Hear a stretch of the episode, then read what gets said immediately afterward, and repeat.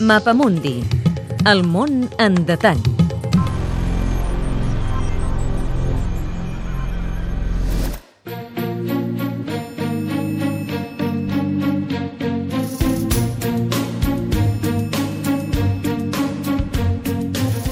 А скільки в тому, як і яким шляхом El Parlament de Crimea ha aprovat avui la declaració d'independència respecte d'Ucraïna i diumenge es farà el referèndum en què els crimeans decidiran si aproven l'annexió a Rússia. Ucraïna considera la declaració d'independència il·legítima i ha amenaçat de dissoldre el Parlament de Crimea si no suspèn la consulta.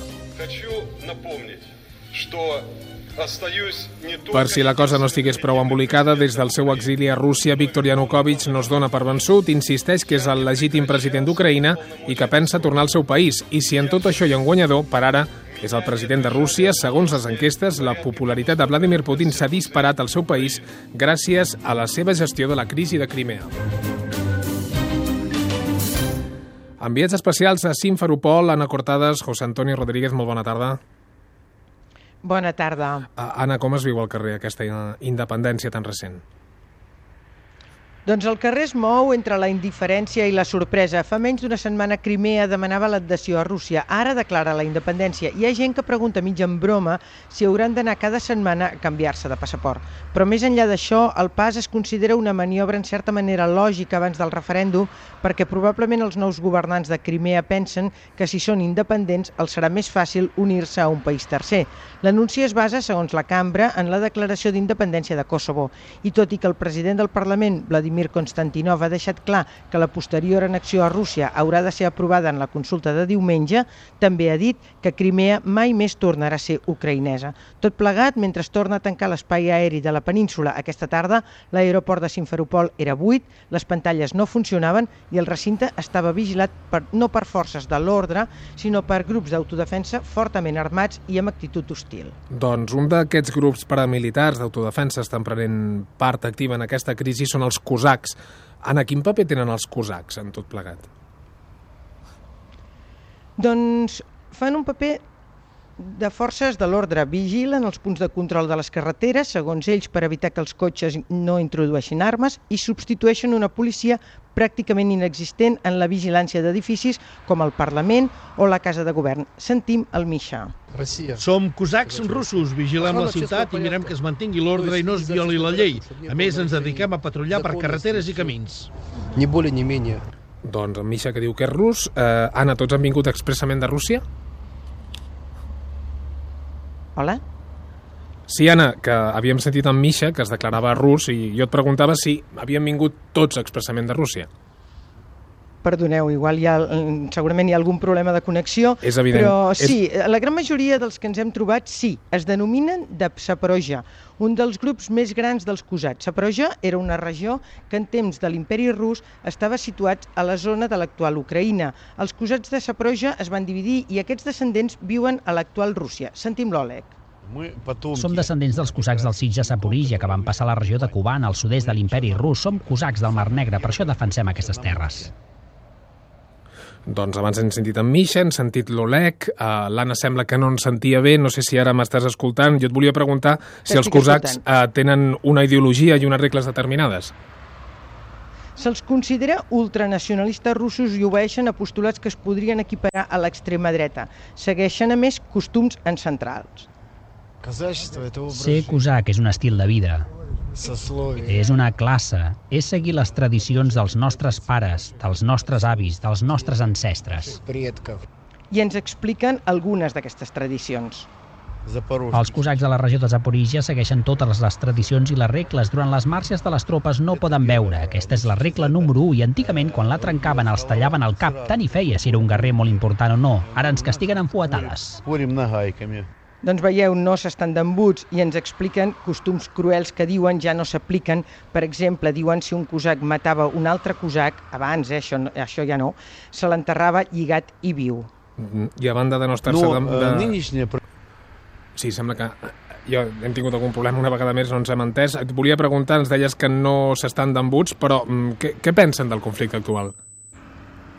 Per descomptat, estan totalment en contra del nou govern de Kiev Но э, нынешнее правительство Украины забыло... Avui el govern d'Ucraïna s'ha oblidat que fer la guerra contra la seva pròpia gent és una cosa impossible. Ни один царь, ни один король... Ja no tenim nobles, ni zars, ni reis, ni cabdills otomans que vulguin fer la guerra contra la seva pròpia gent. Сердце — это Som conscients del que està passant. частица нашего I сознания. per això hem vingut, per evitar que hi hagi esdeveniments Снялись и sagnants. пошли, чтобы здесь не было кровопролития. I per cert, que vesteixen jaquetes i barrets vistosos i són molt fàcilment identificables pels carrers de Crimea. Doncs amb més o menys dificultats hem acabat entenent perfectament quin és el paper dels cosacs a Crimea. Enviats especials a Simferopol, a Crimea, en acortades, José Antonio Rodríguez. Gràcies una vegada més, molt bona tarda.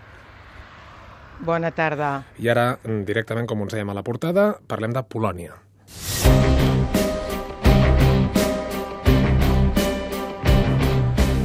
La història recent de Polònia, les seves complexes relacions històriques amb l'antiga Unió Soviètica, amb Rússia i amb Ucraïna, converteixen aquest país en un jugador clau en la crisi ucraïnesa.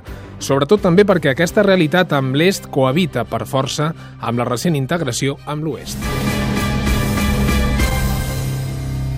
I tornem a saludar en Sergi Roca. Sergi, molt bona tarda. Hola, bona tarda. Com es visualitza la importància del rol de Polònia en aquest afer? Un exemple, l'efímer pacte que el ministre polonès d'Afers Estrangers, Radoslav Sikorski, i els seus homòlegs alemany i francès van aconseguir entre Yanukovych i els líders opositors. Era el 20 de febrer. Si no firmeu això, esteu tots morts, deia els opositors. Finalment es va firmar. La Maidan ho va rebutjar i Yanukovych va fugir. Però, vaja, tot plegat demostra que Polònia és, era una peça important. També a nivell d'història contemporània i en el passat més recent. Polònia i Rússia, una relació tempestuosa. L'any 1939, un pacte entre Hitler i Stalin va convertir un terç del territori de Polònia en part de la URSS. La Unió Soviètica va tenir sotmès el país durant les següents dècades, però l'empenta del sindicat Solidarnosc i el col·lapse final de la URSS van acabar amb la influència del mall i la fals. Un fructífer noviatge amb Occident. La Polònia independent es va llançar als braços de l'OTAN primer, el 1999, i de la Unió Europea després, el 2004. En els últims 10 anys, el PIB per càpita, la riquesa per habitant, s'ha doblat, arribant als 10.000 euros, però amb les regions a l'est encara entre les més pobres dels 28. Als Estats Units, el millor amic de Polònia. Arran dels fets de Crimea, el Pentàgon hi ha enviat caces F-16, però ja hi té una base permanent des del 2012. Durant la guerra de Geòrgia, el 2008, Obama fins i tot va tenir en cartera la instal·lació d'un sistema de defensa antimíssils a Polònia. Doncs context polonès fet, seguim amb, amb música d'un vídeo, de seguida us expliquem per què.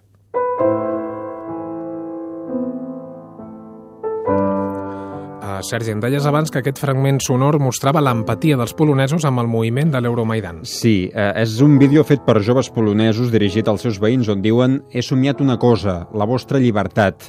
I és que si durant la Revolució Taronja del 2004 Polònia ja es va caracteritzar per donar ple suport a Ucraïna, ara també s'ha implicat.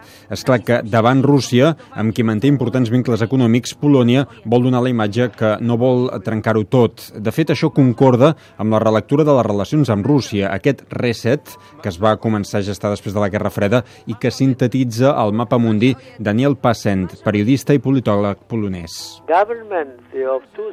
El govern de Tusk, l'actual govern de Polònia, havia optat per l'anomenat reset amb Rússia, com Obama. Volien mantenir les relacions habituals amb Rússia i tractar Rússia com un estat normal. Però alhora avui el govern ja ha dit que accelera la recerca de reserves de gas per reduir la dependència del gas rus. I a més, davant d'Occident, Polònia accepta ser el mirall d'Ucraïna. Des d'una cimera de think tanks organitzada pel CIDOB, que s'està fent a Barcelona, en parlava el mapa mundi Jaroslav Chwiek Karpovich, de l'Institut Polonès de Relacions Internacionals. Per Polònia és important que aquests valors, democràcia, mercat lliure, funcionin com cal a Ucraïna i també a Rússia.